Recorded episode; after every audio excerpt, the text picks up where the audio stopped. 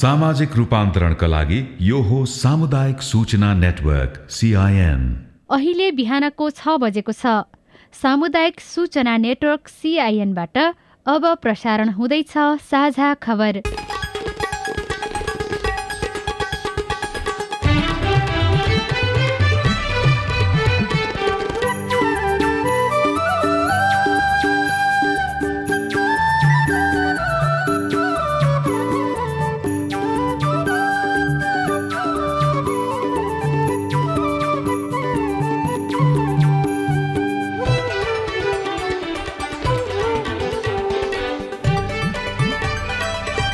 शुभ प्रभात यो सिआइएनको साझा खबर हो। उषा तामाङसँगै राजन रुचालको तपाईँलाई स्वागत छ। सामुदायिक रेडियोबाट देशैभरि एकैसाथ प्रसारण भइरहेको साझा खबर सीआईएन खबर डट कम र मोबाइल एप सीआईएनबाट पनि सुन्न सकिन्छ।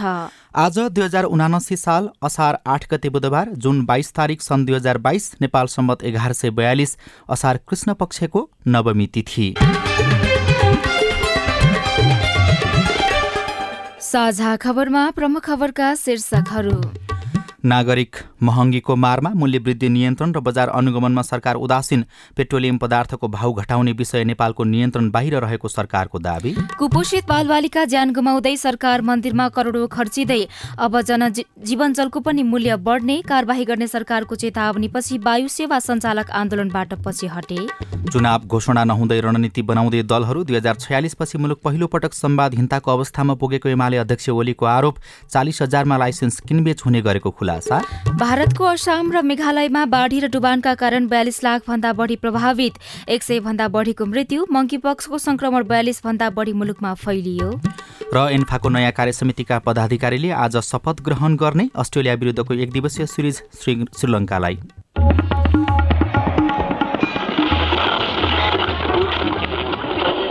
सयौं रेडियो। हजारौं रेडियो कर्मी र करोडौं नेपालीको माझमा यो हो सामुदायिक सूचना नेटवर्क सिआइएन साझा खबरको सबैभन्दा सुरुमा नागरिकमा महँगीको मार बढ्दै गएको प्रसङ्ग। बिहान बेलुकै भान्सामा प्रयोग हुने खाद्य वस्तुदेखि पेट्रोलियम पदार्थसम्ममा भइरहेको मूल्य वृद्धिले सर्वसाधारण आहत बनिरहेका छन्। हरेक वस्तुको बजार भाव जथाभावी बढ़िरहँदा सरकारले भने न अनुगमन र हस्तक्षेपमा चासो दिएको छ न उपभोक्तालाई राहत दिने कार्यक्रम ल्याएको छ। वाणिज्य आपूर्ति तथा उपभोक्ता संरक्षण विभागका महानिर्देशक लीला प्रसाद शर्माका अनुसार खाद्यान्न निर्माण सामग्री र ढुवानी सेवाको मूल्य बढ़ेको छ। उहाँले मूल्य बढ़नुको मुख्य कारण अन्तर्राष्ट्रिय बजार र इन्धनमा भइरहेको मूल्य वृद्धि रहेको दावी गर्नुभयो। चालू आर्थिक वर्षको दश महिनामा खाद्य तथा पेय पदार्थ समूहको मूल्यवृद्धि दर सात दशमलव एक तीन प्रतिशत र गैर खाद्य तथा सेवा समूहको आठ दशमलव चार पाँच प्रतिशत रहेको राष्ट्र ब्याङ्कको मासिक प्रतिवेदनमा उल्लेख छ। दुई हजार अठहत्तर वैशाखको तुलनामा चालू आर्थिक वर्षको सोही अवधिमा घिउ तथा तेलको मूल्य वृद्धि चौबिस दशमलव आठ छ फलफूलको बाह्र दशमलव छ एक दुग्ध पदार्थ तथा अण्डाको एघार दशमलव तीन शून्य दाल तथा गेडागुडीको दस दशमलव पाँच तीन र सुर्तीजन्य पदार्थको नौ दशमलव सात शून्य प्रतिशत छ। चालू आर्थिक वर्षको दश महिनासम्ममा गैर खाद्य तथा सेवा समूह अन्तर्गत यातायातमा मूल्य वृद्धि एक्काइस दशमलव आठ एक शिक्षामा एघार दशमलव छ चार र मनोरञ्जन तथा संस्कृतिमा आठ दशमलव दुई एक प्रतिशत रहेको राष्ट्र ब्याङ्कको तथ्याङ्क छ। सरकारले पेट्रोलियम पदार्थको मूल्यवृद्धि नेपालको नियन्त्रण बाहिर रहेको दावी गरेको छ। प्रतिनिधि सभामा सांसदहरूले पेट्रोलियम पदार्थको मूल्यवृद्धिबारे सोधेका प्रश्नहरूको जवाब दिँदै उद्योग वाणिज्य तथा आपूर्ति मन्त्री दिलेन्द्र प्रसाद बडुले मूल्यवृद्धि नेपालको नियन्त्रणमा नरहेको दावी गर्नुभएको हो। रुस युक्रेनको युद्धका कारण पछिल्लो समय मूल्य निरन्तर बढेर आइरहेको उहाँको भनाइ थियो। अन्तर्राष्ट्रिय बजारमा मूल्यवृद्धि भएको र नेपालमा बढाउनु परेको उल्लेख गर्दै उहाँले यो बाध्यात्मक अवस्था रहेको पनि दावी गर्नुभयो। अन्तर्राष्ट्रिय बजारमा पेट्रोलियम पदार्थको मूल्य निरन्तर बढिरहेको र सो बमोजिम सर्वसाधारणको हितलाई ध्यानमा राखी मूल्य समायोजन नगर्दा निगमलाई ज्येष्ठ मसान्तसम्म करिब रु पचास अर्ब घाटा हुन गएको र इन्डियन आयल कर्पोरेसनलाई हाल बाइस अर्ब बक्यौता रहेको व्यवहार समेत म सदन समक्ष जानकारी गराउन चाहन्छु। सोही कारण इन्डियन आयल कर्पोरेसनलाई पेट्रोलियम पदार्थ खरिद बापत तिर्नुपर्ने बकौदा रकम बढ्दै जाने देखिएको हुँदा आपूर्ति अब व्यवस्था सहज बनाइराख्नका लागि मूल्य समायोजन गर्दै जानुपर्ने बाध्यात्मक स्थिति निगमका सामुन्ने देखा परेको छ। दीर्घकालीन विकल्पमा जानुपर्ने सोचेरै सरकारले यसका लागि अध्ययन गरिरहेको पनि उहाँको भनाइ छ। मन्त्री बडुले निजी क्षेत्रलाई समेटेर जान सकिने विकल्पमा पनि अध्ययन भइरहेको बताउनुभयो। साथै सरकारी निकायको पेट्रोल खपत कम्तीमा बीस प्रतिशत घटाउने नीति लिइएको पनि उहाँले जानकारी दिनुभएको छ। राष्ट्रिय सभाको हिजोको बैठकमा पनि पेट्रोलियम पदार्थमा गरिएको मूल्य वृद्धिको विरोध भएको छ। प्रमुख प्रतिपक्षी दल नेकपा एमालेका सचेतक खिमलाल भट्टराईले सरकारले यस विषयमा स्पष्ट जवाब दिनुपर्ने बताउनुभयो। यो पेट्रोलियम पदार्थको मूल्य वृद्धिको जे स्थिति हो यसको बारेमा त सहज कुरा भन्नुहुन्छ मन्त्रीज्यूले। तर त्यति कुरा भनेर भएन। मेरो के अनुरोध छ भन्दाखेरि यो सरकारले एउटा जिम्मेवारीपूर्वक एन्सर गरोस्। यो सदनलाई जनतालाई आज अनुगमनको स्थिति के छ नियन्त्रणको स्थिति के छ र त्यतिले मात्रै पुग्दैन अध्यक्ष महोदय। यसमा जनतालाई राहत दिने विषय के छ त्यो विषय पनि आउनु पर्यो। सरकारले जीवनजल जस्ता पुनर्जलीय झोलको मूल्य बढाउन तयारी थालेको छ। यसका लागि औषधि व्यवस्था विभागले निर्णय गरी सैद्धान्तिक सहमतिका लागि स्वास्थ्य मन्त्रालयमा फाइल पठाएको हो।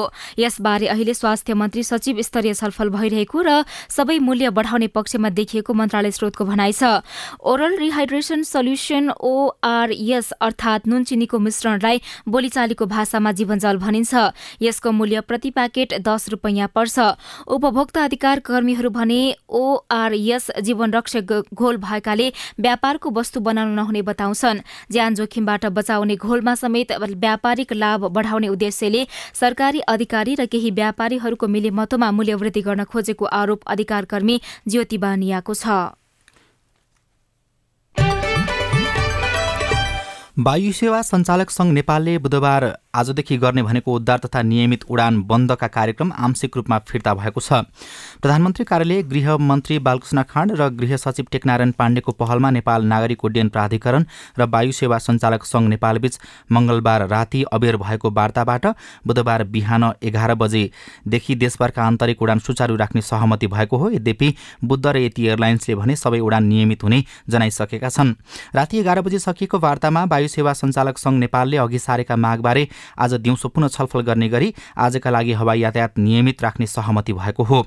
यात्रुप्रति जवाफदेही र जिम्मेवार हुनुपर्ने वायु सेवा कम्पनीले पूर्व सूचना समेत नदिई हवाई सेवा बन्द गर्ने घोषणा गरेपछि यात्रुमा अन्यलता थपिएको थियो। नागरिक उड्डयन प्राधिकरण क्यानका महानिर्देशक प्रदीप अधिकारीले त्रिभुवन अन्तर्राष्ट्रिय विमानस्थल ट्याम्पो पार्क नभएको बताउनु भएको छ। वायु सेवा सञ्चालक संघले क्यानको निर्णयप्रति विरोध जनाउँदै बुधबार आजदेखि सबै खाले उडान रोक्ने निर्णय गरेपछि महानिर्देशक अधिकारीले यस्तो प्रतिक्रिया दिनुभएको हो। पत्रकार सम्मेलन गरी महानिर्देशक अधिकारीले संघको निर्णयका कारण जनताले दुःख पाए प्राधिकरण चुप लागेर नबस्ने बताउनुभयो। उहाँहरू प्रस्तुत हुनेछ। यो अत्यावश्यक सेवा हो। हडताल कहाँ कहाँ गर्न पाइन्छ कहाँ कहाँ गर्न पाइँदैन भन्ने कुरो नेपाली नागरिक सबैले थाहा छ। गरिहाल्नु चाहिँ मलाई लाग्दैन म पूर्ण विश्वस्त छु। तर यी सबै कुराहरू के हो भने चाहिँ हामीले के बुझ्नुपर्छ भने आफूले गर्न पाइन भने चाहिँ म बन्द गरिदिन्छु। यो कल्चर यो धम्की यो धमधङ्गी नपाल्दा हुन्छ। सुदूरपश्चिमका धेरैजसो गाउँ अभाव र गरिबीको दुश्चक्रमा जेलिएका छन्। अरू गाउँ जस्तै बाजुराको अति विपन्न स्वामी कार्तिक गाउँपालिका एक मुक्तिकोटले यो दुश्चक्रबाट मुक्ति चाहेको वर्षौं भयो तर दलित समुदायको बसोबास रहेको यो गाउँका निम्ति कुपोषण सधैँका नियति जस्तै बनेको छ। बजेटमा मुक्तिकोटमा कुपोषितको स्वास्थ्य र शिक्षाका लागि एउटै कार्यक्रम छैन बरु प्रदेशले टोल टोलमा मन्दिर पदमार्ग र भ्युटावरका नाउँमा अरबौं खन्याएको छ। गत फागुन सोह्र गते मुक्तिकोटमा कडा कुपोषित भएका बालबालिका सोह्रजना रहेका थिए। जेठ मसान्तमा गाउँपालिकाको स्वास्थ्य इकाइले गरेको अध्ययनमा यो सङ्ख्या बढेर तेइस पुगेको देखिएको छ। दुई हजार अठहत्तर वैशाखदेखि फागुनसम्म पाँच वर्ष मुनिका छजना बालबालिका कुपोषित भएर मृत्यु भइसकेको अवस्था छ। कुपोषणको यस्तो भयावह अवस्थाबारे सबै जानकार हुँदाहुँदै पनि प्रदेश सरकारले बजेटमा मुक्तिकोटको शिक्षा र स्वास्थ्यमा कुनै पनि योजना पारेको देखिँदैन। हरेक वर्षका नीति तथा कार्यक्रममा प्रदेशलाई कुपोषण शून्य बनाउने उल्लेख गर्दै आएको सरकारले आगामी वर्षको नीति तथा कार्यक्रममा पनि यो वाक्य भने छुटाएको छैन तर बजेटमा भने कुनै पनि कार्यक्रम ल्याएको देखिएको छैन। बरु प्रदेशभर दुई सय चौरानब्बे मन्दिर बनाउन तेइस करोड एक्काइस लाख विनियोजन गरिएको छ। कुपोषणग्रस्त बस्ती रहेको बाजुरामै नेता कार्यकर्ताको भनसुनमा विभिन्न ठाउँमा एघारवटा मन्दिर बनाउन सन्तानब्बे लाख बजेट पनि छुट्याइएको छ। मुक्तिकोटका लागि थोरै संख्यामा भए पनि अन्यत्र जस्तै सिँचाइ र खानेपानीका योजना भने पारिएको छ। कुपोषित बालबालिका ज्यान गुमाउँदैछन्। सरकार भने मन्दिरमा करोडौँ खर्चिँदैछ। हरेक नीति तथा कार्यक्रममा प्रदेशलाई कुपोषण शून्य बनाउने प्रदेश सरकारको घोषणा हुन्छ तर बजेट भने त्यस अनुसार छुट्याइँदैन। कान्तिपुर दैनिकमा अर्जुन शाहले धनगढीबाट खबर लेख्नु भएको छ। विश्व स्वास्थ्य संगठनका अनुसार नेपालमा सर्पको टुकाईबाट वर्षेनी एक हजार मानिसको मृत्यु हुने गरेको छ। राष्ट्रिय विपद जोखिम न्यूनीकरण तथा व्यवस्थापन प्राधिकरणको तथ्याङ्क अनुसार भने गत वर्ष सर्पको डसाईबाट सडतिस जनाको मृत्यु भएको थियो भने यस वर्षको दुई महिनामा आठ जनाको मृत्यु भइसकेको छ। मनसुन शुरू भएसँगै सर्पको बिगबिगी शुरू हुने र सर्पको डसाईले मृत्यु हुनेको संख्या बढ्ने देखिन्छ। नेपालका तराई नेपालमा तराईका सबै जिल्ला र केही पहाड़ी जिल्लामा समेत सर्पको प्रकोप पाइन्छ। सर्पले टोकेपछि समयमा नै उपचार नहुँदा कतिपयको मृत्यु हुने गरेको छ। उपचार गर्नुभन्दा सर्पको डसाईबाट नै बच्न विज्ञहरूको सुझाव रहेको छ। सर्पको डसाईबाट बच्न अध्यारोमा नहिँड्न हिँड्नै परे बत्ती बालेर हिँड्न खाली खुट्टा नहिँड्न भुइँमा नसुत्न झुल लगाएर मात्रै सुत्न सुत्नु अघि ओछ्यान राम्रोसँग जाँचेर सुत्न तथा घर वरपर सरसफाई गर्ने जस्ता सावधानी अपनाउनु पर्नेमा विज्ञहरूको जोड छ। सर्पको टोकाईबाट बच्ने उपायबारेमा सीआईएनसँग कुराकानी गर्दै सर्प विज्ञ लक्ष्मी प्रसाद खरेलले भन्नुभयो आगो बाल्ने क्रममा चुलामा सर्प बसेको हुनसक्छ सुत्ने बेलामा सिरकमा सर्पहरू पसेको हुनसक्छ। अनि गर्मीको समयमा चाहिँ हामी बत्ती बालेर सुतिरहेको हुन्छौँ त्यस्तो बेला किरा खानको लागि सुतेको ओछ्यानमा आउन सक्छ सुत्ने क्रममा चाहिँ राम्ररी झुल्लाएर सुत्नु पर्यो। आगो बाल्ने क्रममा चुलामा केही छ कि भन्ने कुराहरू हेर्न पर्यो। झोलाहरू झुन्डाएर राखेको हुन्छ। त्यस्तो झोलामा पहिलेदेखि आएर सर्प बसेको हुनसक्छ। त्यसमा पहिले बाहिरबाट टकटकाएर मात्रै हात छिराउनु पर्यो। डाइरेक्ट हामीले झोलामा हात छिराउनु भएन।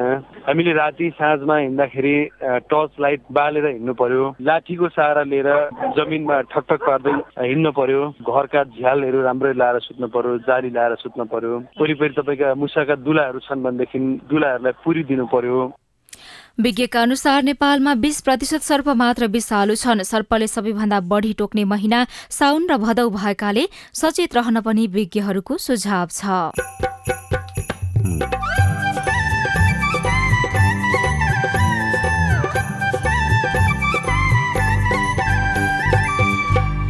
सामुदायिक सूचना नेटवर्क सीआईएन मार्फत देशभरि प्रसारण भइरहेको साझा खबरमा स्थानीय तहमा निर्वाचित महिला जनप्रतिनिधिका आगामी योजना। महिला जागरण समूह मार्फत हामीले विभिन्न कार्यक्रम गर्ने योजना छ र महिलालाई उत्पादनसँग जोडेर जानुपर्ने भने छ महिलाहरूको लागि खेलसँग जोडेर जाने कार्यक्रमहरू हामी बनाउँदैछौँ। चुनाव घोषणा नहुँदै रणनीति बनाउँदै दलहरू दुई हजार छ्यालिस पछि मुलुक पहिलो पटक सम्वादहीनताको अवस्थामा पुगेको एमाले अध्यक्ष ओलीको आरोप लगायतका खबर बाँकी नै छन्। सीआईएनको साझा खबर सुन्दै गर्नुहोला। उठाउनु पर्ने आवाजहरू सदनमा उठाउनु भएको छ। तपाईँलाई धन्यवाद दिनुपर्ने हुन्छ। कानून निर्माणमा नागरिक सहभागिता सिद्धान्त र अभ्यास। पारित गरियोस् भन्ने प्रस्ताव दुई तिहाई बहुमत भन्दा बढी मतबाट पारित भएको घोषणा गर्दछु।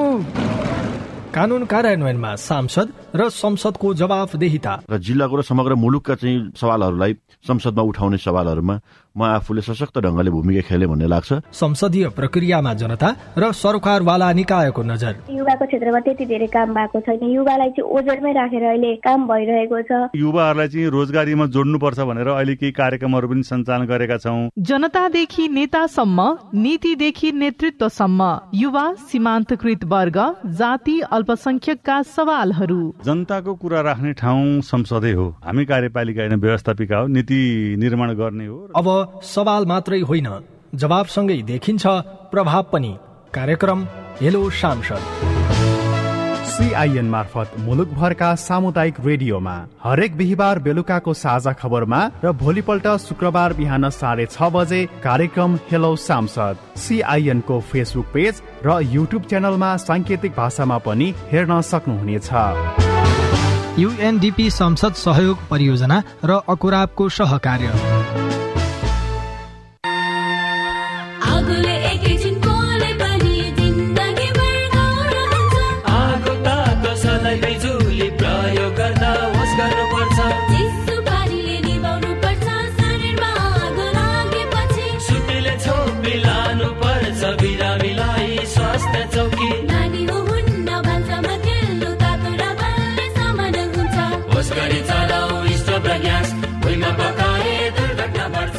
अग्निजन्य दुर्घटना भएमा शून्य एक पचपन्न पचपन्न छ आठ नौमा सम्पर्क गर्नुहोस्। बिबिएस नेपाल ललितपुर। सामाजिक रूपान्तरणका लागि यो हो सामुदायिक सूचना नेटवर्क सिआइएन तपाईँ अहिले देशभरिका सामुदायिक radio CIN Khabar dot com र मोबाइल एप सिआइएनबाट एकैसाथ साझा खबर सुन्दै हुनुहुन्छ। अब बाँकी खबर। नेकपा एमालेका अध्यक्ष केपी शर्मा ओलीले नेपालको आन्तरिक राजनीतिक अस्थिरताका कारण सीमा सम्बन्धी मुद्दा किनारा लाग्न ढिलो भएको बताउनु भएको छ। हिजो पूर्व राजदूत समूहको अन्तर्क्रियामा अध्यक्ष ओलीले लिम्पियाधुरा लिपुलेक र कालापानी लगायतका भूमि सम्बन्धी समस्या समाधानमा आन्तरिक राजनीतिले पनि अवरोध गरेको धारणा राख्नुभयो। दुई हजार छयालिस सालपछि नेपाल सम्वादहीनताको अवस्थामा आइपुगेको पनि ओलीको टिप्पणी थियो। यो सरकार बनेपछि सिम्पली भन्ने हो भने संवाद छैन। छयालिस सालपछि यस्तो संवादहीनता कुनै पनि विषयमा प्रतिपक्ष त कन्स्टिट्युसनल प्रतिपक्ष भने प्रतिपक्षसँग पनि परामर्श पनि नगर्ने र सबै कुरा गोप्य राखिने र प्रतिपक्षका विरुद्ध जाने खालका कुराहरू त्यस्तो डेमोक्रेसीमा हुँदैन। जस्तो। प्रधानमन्त्री बाहिर जानभन्दा अगाडि त प्रतिपक्षसँग त परामर्श हुन्थ्यो नै। साथसाथै विज्ञहरूसँग पनि परामर्श गर्ने हाम्रो चलन थियो। नेपालको आन्तरिक राजनीतिमा खटपट नभएको भए लिम्पियाधुरा लिपुले कालापानी वा अन्य सीमा समस्या समाधान भइसकेको हुने उहाँको दावी थियो। अब आज काठमाडौँबाट छापिएका पत्र पत्रिकाको खबर। कान्तिपुर दैनिकमा चुनाव घोषणा नहुँदै रणनीति बनाउँदै दलहरू शीर्षकमा बबिता शर्माले लेख्नु भएको खबर छापिएको छ। प्रतिनिधि सभा र प्रदेशसभाको निर्वाचन मिति घोषणा नहुँदै गठबन्धनमा गठबन्धनका विकल्प र सिट बाँडफाँडका विषयमा प्रमुख दलहरूले गृह कार्य थालेका छन्। स्थानीय निर्वाचनमा जस्तै पाँच दलीय गठबन्धन र एमाले सहितको विपक्षी दलबीच प्रतिस्पर्धा हुने सम्भावना देखिएको छ। तर बहुमतको अङ्कगणितको खेल र सिट बाँडफाँडको दाउपेचले समीकरण फेरिने सम्भावना पनि रहेको राजनीतिक दलका नेताहरू बताउँछन् सत्तारूढ पाँच दलमा यसअघि नै प्रतिनिधि सभा र प्रदेशसभा चुनावसम्म गठबन्धनलाई निरन्तरता दिने सैद्धान्तिक सहमति बनिसकेको छ। तर एक्लै बहुमत नजिक पुग्ने दाउमा काङ्ग्रेस छ भने त्यही हैसियतमा पुग्ने पुग्न नदिने रणनीतिमा अन्य चार दल देखिएका छन्। गठबन्धनमा रहेका दलहरूले अहिले यही बहुमतको खेल हेरेर तालमेल र सिट बाँडफाँडमा प्रारम्भिक छलफल थालेका छन्। गठबन्धनका कतिपय दलका शीर्ष नेताले नै सम्मानजनक सिट बाँडफाँडको मुद्दा अघि सारेर दबाव दिन थालिसकेका छन्। अर्कातिर प्रमुख प्रतिपक्षी दल एमाले पाँच दलीय गठबन्धन भत्काउने योजनामा रहेको छ। निर्वाचन आयोगले कार्तिक अन्तिम वा मङ्सिर पहिलो साता एकै चरणमा गर्ने गरी प्रदेश र संघीय निर्वाचनको मिति तोक्ने तोक्न सरकारलाई प्रस्ताव गर्ने जनाएको छ तर मिति घोषणा नहुँदै दलहरूले तालमेल र सिट बाँडफाँडका विषयमा अनौपचारिक छलफल थालेका छन्।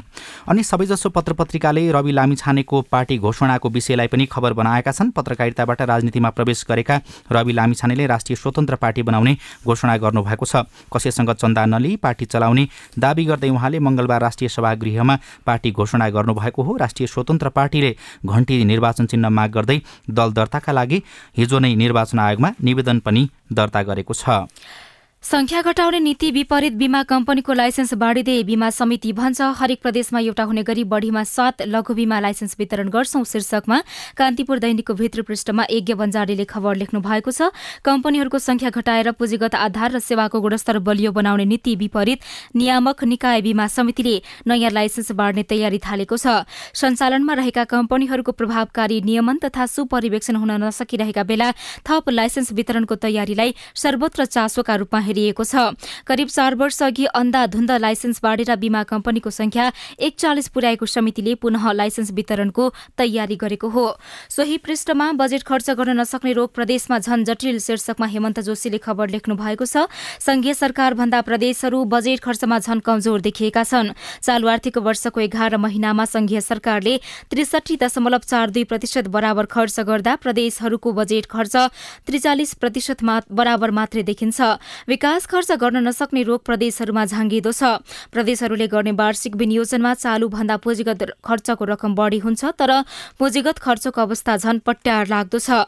महालेखा नियन्त्रक कार्यालयका अनुसार गत जेठ मसान्तसम्ममा सबैभन्दा धेरै प्रदेश एकले एकसठी प्रतिशत बजेट खर्चिएको छ। मध्य प्रदेशले चौतिस बागमतीले त्रिचालिस गण्डकीले छयालिस लुम्बिनीले पैंतालिस कडालीले एकतीस र सुदूरपश्चिमले बयालिस प्रतिशत बजेट खर्च गरेका छन् जसमा औषध चालु खर्च पचास पचास प्रतिशत र पुँजीगत खर्च अडतिस प्रतिशत बराबर मात्रै देखिन्छ।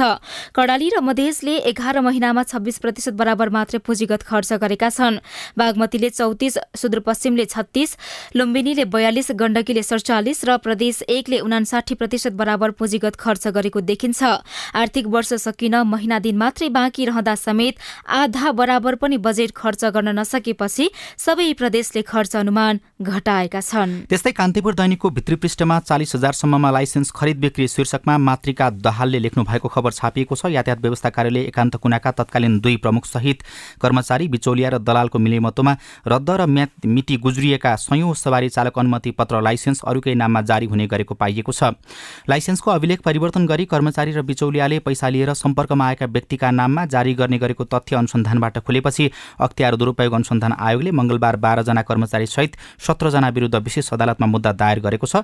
कर्मचारीकै संलग्नतामा चलिरहेको लाइसेन्स अवैध धन्दा अनुसन्धानपछि आरोपितहरूबीच भ्रष्टाचार मुद्दा दायर गरिएको अख्तियारका प्रवक्ता श्याम भण्डारीले बताउनु भएको छ चालिस हजारसम्ममा लाइसेन्स खरिद बिक्री हुने गरेको तथ्य सार्वजनिक भएको छ। साझा खबरमा अब हेलो सिआइएन सुशीला श्रेष्ठबाट। नमस्ते मेरो नाम युवराज श्रेष्ठ। काभ्रेको रोसी गाउँपालिका वडा नम्बर एघारदेखि बोल्दैछु। मेरो प्रश्न वडासँग सम्बन्धित छ नागरिकले वडाबाट लिने सेवा सहज रूपमा लिन कठिन भइरहेको गुनासो सुनियो। हाल एघार नम्बरको ओडा कार्यालय बिपी हाइवेमा रहेको हुँदा नागरिकले शास्ति बिहोरिरहेको छ र सम्बन्धित स्थानबाट नागरिकले कहिलेबाट सहज रूपमा सेवा लिन पाउनेछ जवाफ पाए आभारी हुने थियो। तपाईँको गुनासो हामीले रोसी गाउँपालिका वडा नम्बर एघारका अध्यक्ष लालकुमार पाखरिन समक्ष राखेका छौँ। मैले अस्ति भर्खरै तिन दिन चार दिन भयो भर्खरै माथि सम्बन्धित ठाउँमा नै वडा कार्यालय हुनुपर्छ भन्ने हिसाबले वडालाई चाहिने सामग्रीहरू फर्निचरदेखि लिएर सबै सामग्रीहरू पुर्याइसकेका छ। भन्ने बित्तिकै सजिलो छैन। त्यहाँ अब अब वडा चलाउँदै अहिले सबै अनलाइन सिस्टम गर्नुपर्ने भएको हुनाले नेटको समस्या हुने बत्तीको छैन बत्तीको समस्या हुने सबै कम्प्युटरबाट काम गर्नुपर्ने अवस्था छ। त्यही भएको हुनाले चाहिँ हामीले तलै नै चलाइरहनु भएको रहेछ योभन्दा पहिलाको कार्य समितिको साथीहरूले। अहिले मैले चाहिँ त्यहाँ दुःख सुख सोलरबाट हुन्छ कि बत्ती नेटलाई कसरी व्यवस्थापन गर्ने भन्ने हिसाबमा म लागि परिरहेको छु। तुरुन्तै चाहिँ मैले माथि सञ्चालन गर्नुपर्छ भन्ने हिसाबले माथि फर्निचिङकोदेखि लिएर सबै सामानहरू व्यवस्थापन गरिसकेका छ। र मलाई लाग्छ अब यही डेट चाहिँ नभनौँ छिटो नै हामी त्यहाँ ओपनिङ गरेर त्यहाँबाट हामी सेवा सुविधा हामी दिने प्रयासमा छौँ हामी। अनि चितवनका किसान रामकुमार शाह मौरी पालन गर्न कुन समय उपयुक्त हुन्छ भनेर सोध्नु भएको छ। रामजी तपाईँको जिज्ञासा हामीले मौरी विकास केन्द्रका प्रमुख लक्ष्मी खरेल समक्ष राखेका छौँ। ठाउँ अनुसार चाहिँ अब आफूले कहिलेदेखि चाहिँ मौरी पालन व्यवसाय सुरु गर्ने भन्ने हुन्छ। र अब चितवनको केसमा त अब असोज कात्तिक मङ्सिरतिर सुरु गर्दाखेरि पनि हुन्छ अथवा फागुन चैत वैशाखमा सुरु गर्दाखेरि पनि हुन्छ।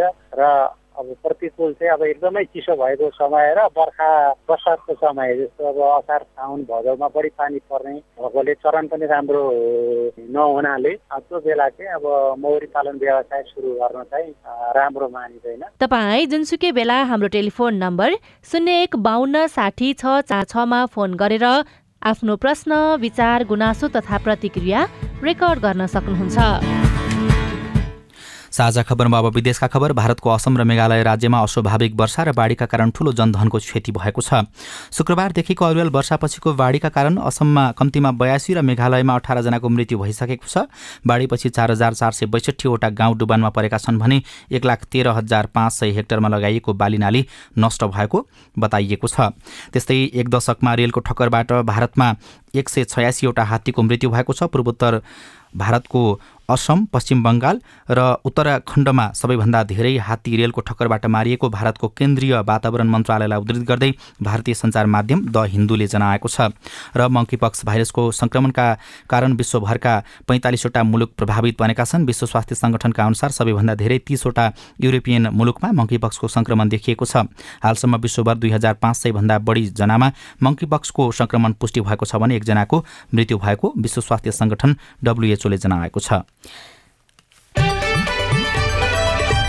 साझा खबरमा अब खेल खबर। अखिल नेपाल फुटबल संघ एन्फाको नवनिर्वाचित कार्य समितिका पदाधिकारीले आज शपथ ग्रहण गर्दैछन्। एन्फा कार्यालयका अनुसार नवनिर्वाचित कार्य समिति पदाधिकारीको शपथ ग्रहण समारोह सात बाटो स्थित एन्फा मुख्यालयमा साझा पाँच बजे हुनेछ। सोमबार भएको एक्काइसौं चुनावी साधारण सभाबाट उन्नाइस सदस्यीय कार्य समिति चयन भएपछि पूर्णता पाइसकेको छैन। तेह्र सदस्य मध्ये एघार सदस्य निर्वाचित हुँदा चार उम्मेद्वारको समान उनाचालिस मत आएपछि पुनः निर्वाचन हुने एन्फाले जनाएको छ। विभागीय टोली एपीएफलाई चार एक गोलले पराजित गर्दै फुटबल क्लब डाउला छैटौं अन्तर्राष्ट्रिय हेम्जा गोल्ड कपको सेमी फाइनलमा प्रवेश गरेको छ। प्रतियोगिता अन्तर्गत आज पहिलो सेमी फाइनल खेल आयोजक हेम्जा युनाइटेड र खुमलटार बीच हुँदैछ भने भोलि दोस्रो सेमी फाइनल खेल फुटबल क्लब डाउला र चर्च बोइज क्लब बीच हुँदैछ रेडियो हेम्जा पोखराले खबर पठाएको छ। र अस्ट्रेलिया विरूद्ध पाँच खेलको एक दिवसीय सिरिज श्रीलंकाले जितेको छ। कोलम्बोमा गैराती भएको खेलमा अस्ट्रेलियालाई चार रनले हराउँदै श्रीलंकाले सिरिज जितेको हो। जितसँगै श्रीलंकाले पाँच खेलको सिरिज एक खेल अगावै तीन एकले जितेको छ। श्रीलंकाले दिएको दुई सय उनासाठी रनको लक्ष्य पछ्याएको अस्ट्रेलियाले पचास ओभरमा अल आउट हुँदै दुई सय चौन रन मात्रै बनाउन सक्यो। स्थानीय तहमा निर्वाचित महिला जनप्रतिनिधिका योजना के छन्? रेडियो रिपोर्ट अरू खबर र कार्टुन पनि बाँकी नै छ। सिआइएनको साझा खबर सुन्दै गर्नुहोला। हे कोरोनाको नयाँ नयाँ प्रजातिको डर। हात धोए मास्क लाए जान्छ पर पर। एक अर्काको दूरी पनि जाति। गीतमा भने झै कोरोना संक्रमण दर घटे पनि जोखिम भने कायमै छ। अझै पनि नयाँ नयाँ प्रजातिका भाइरसहरू आउन सक्छन्। खोप्लाएसी कोरोनालाई जितिन्छ रे साथी। कोरोना विरुद्धको सबै मात्रा खोप अनिवार्य लगाउनु पर्दछ। कसैको खोप छुटेको छ भने वडा कार्यालय वा नजिकको स्वास्थ्य केन्द्रमा सम्पर्क राख्नु पर्दछ। एक अर्का बीचको दूरी कायम गर्ने मास्क लगाउने र साबुन पानीले मिची मिची हात धुने कार्यलाई सधैँ कायम गर्न सकेमा कोरोना मात्रै होइन अन्य धेरै रोगहरूबाट बच्न सकिन्छ। जीवन शैलीको भरमा बाँच्छौँ हामी कोरोनाका।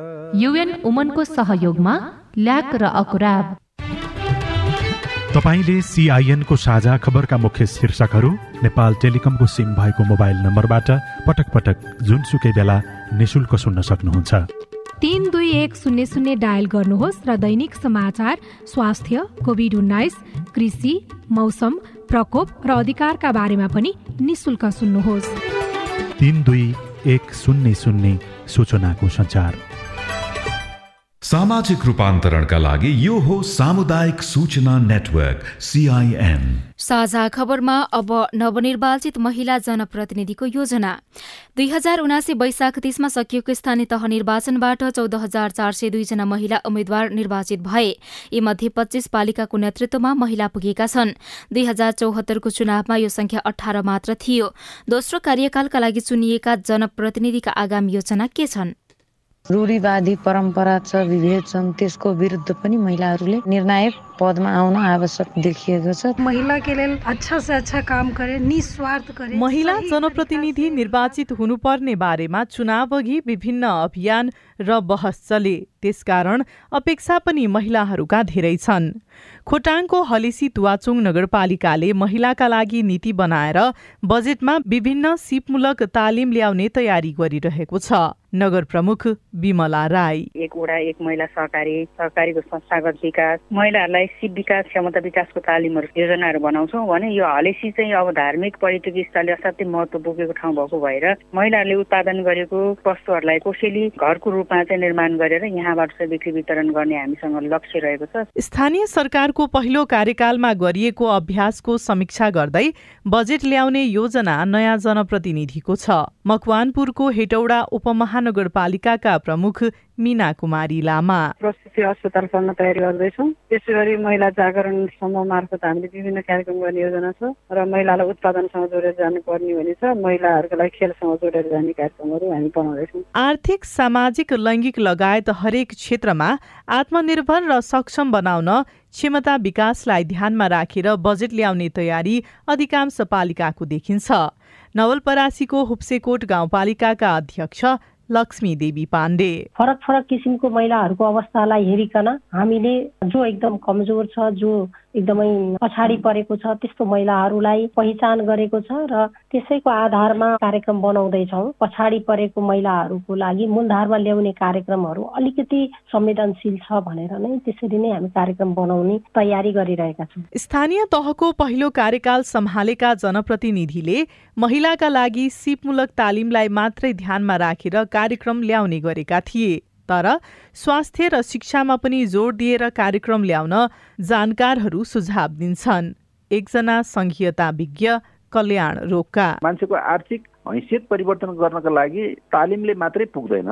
तालिम सँगसँगै उसलाई अर्थोपार्जनको अथवा जीविकोपार्जनको अथवा उत्पादनको काममा लगाउनु पर्ने महिलाहरूको उद्यमशीलताबाट उत्पादनदेखि त्यसको बजारसम्मको कुरालाई ध्यानमा राखेर स्थानीय सरकारले बजेट छुट्याइयो गाउँलाई सानो सानो अर्थतन्त्र निर्माण गरेर त्यसमा महिलाहरूको सहभागिता गर्ने खालको कार्यक्रम ल्याउन सकियो भनेदेखि हाम्रो गाउँ आत्मनिर्भरताको अवस्थामा फर्किन सक्छ। सामाजिक परम्परा र बन्धनका कारण पनि महिलाहरूलाई काम गर्न पूर्ण रूपमा सजिलो भइसकेको छैन।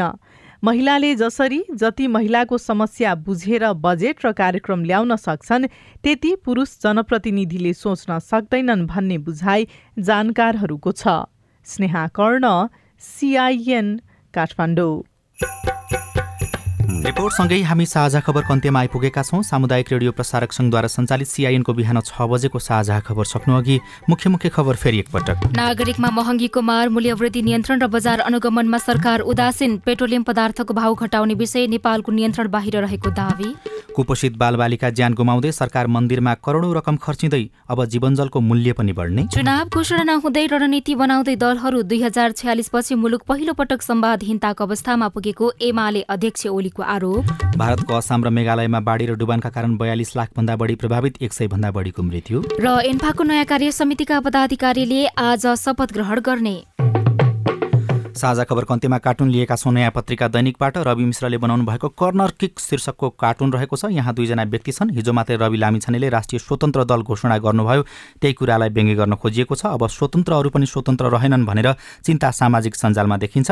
ती दुईजना व्यक्ति चाहिँ टाउकोमा हात लगाएका छन् र यसरी कुराकानी गर्दैछन्। माथि चाहिँ यस्तो लेखिएको छ। अब स्वतन्त्र भएर टेक्ने दैलो पनि रहेन। एउटाले घन्ट झुन्ड्याएर हिँडेछ के? ट्वाङ्ग पार्न पर्ने भयो। हवस् त। प्राविधिक साथी सुभाष पन्तलाई धन्यवाद। अहिलेलाई राजन रुचाल र उषा तामाङ विदा भयौँ। तपाईँको आजको दिन शुभ होस्। नमस्कार। यसपछि देशभरिका सामुदायिक रेडियोबाट कार्यक्रम साझा पहल प्रसारण हुनेछ। सुन्ने प्रयास गर्नुहोला।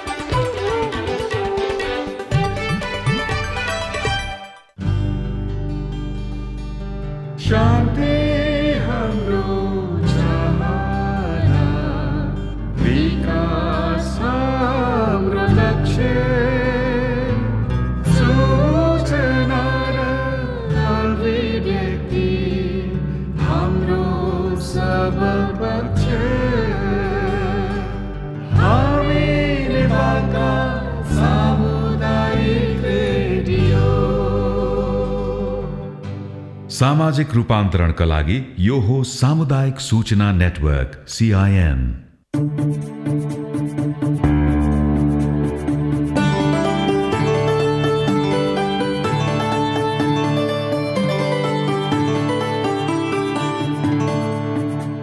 नमस्कार। रेडियो कार्यक्रम साझा पहलमा तपाईँलाई हार्दिक स्वागत छ। म सुशीला श्रेष्ठ। अनि म अविनाश आचार्य। कार्यक्रम साझा पहल महिला लैङ्गिक अल्पसंख्यक अपाङ्गता भएका व्यक्ति र सीमान्तकृत समुदायमा सूचनाको पहुँच पुर्याउने उद्देश्यले तयार पारिएको कार्यक्रम हो। अहिले कोभिड उन्नाइस नियन्त्रणमा आएको जस्तो देखिएको छ तर यसले महिला तथा सीमान्तकृत वर्गमा आर्थिक सामाजिक तथा मानसिक रूपमा गहिरो प्रभाव छोडेर गएको छ। कार्यक्रममा हामी लैङ्गिक समानता र सामाजिक समावेशीकरण जेसीको दृष्टिकोणबाट अब आउने कोभिड जस्ता महाव्याधि र विपदसँग सम्बन्धित प्रभावकारी तयारी प्रतिक्रिया र पुनः प्राप्तिको बारेमा छलफल गर्नेछौं। लैङ्गिक समानता र सामाजिक समावेशीकरण दृष्टिकोण भन्नाले हामी यस कार्यक्रममा महिला सीमान्तकृत वर्ग बालबालिका ज्येष्ठ नागरिक अपाङ्गता भएका व्यक्ति एकल महिला लैङ्गिक अल्पसंख्यक विभिन्न प्रकारका हिंसाबाट प्रभावित भएका महिला तथा किशोरी दीर्घरोगी गर्भवती तथा सुत्केरीका सवालहरूलाई प्राथमिकता दिनेछौं। सँगै लैङ्गिक हिंसा तथा जातीय विभेद मानव बेचबिखनबाट प्रभावित भएका व्यक्तिहरू सामाजिक आर्थिक तथा नागरिक अधिकारबाट वञ्चित भएका व्यक्तिहरूको भोगाई उनीहरूका अपेक्षा पुनरुत्थानका लागि सरकारवालाले के गर्न सक्छन्?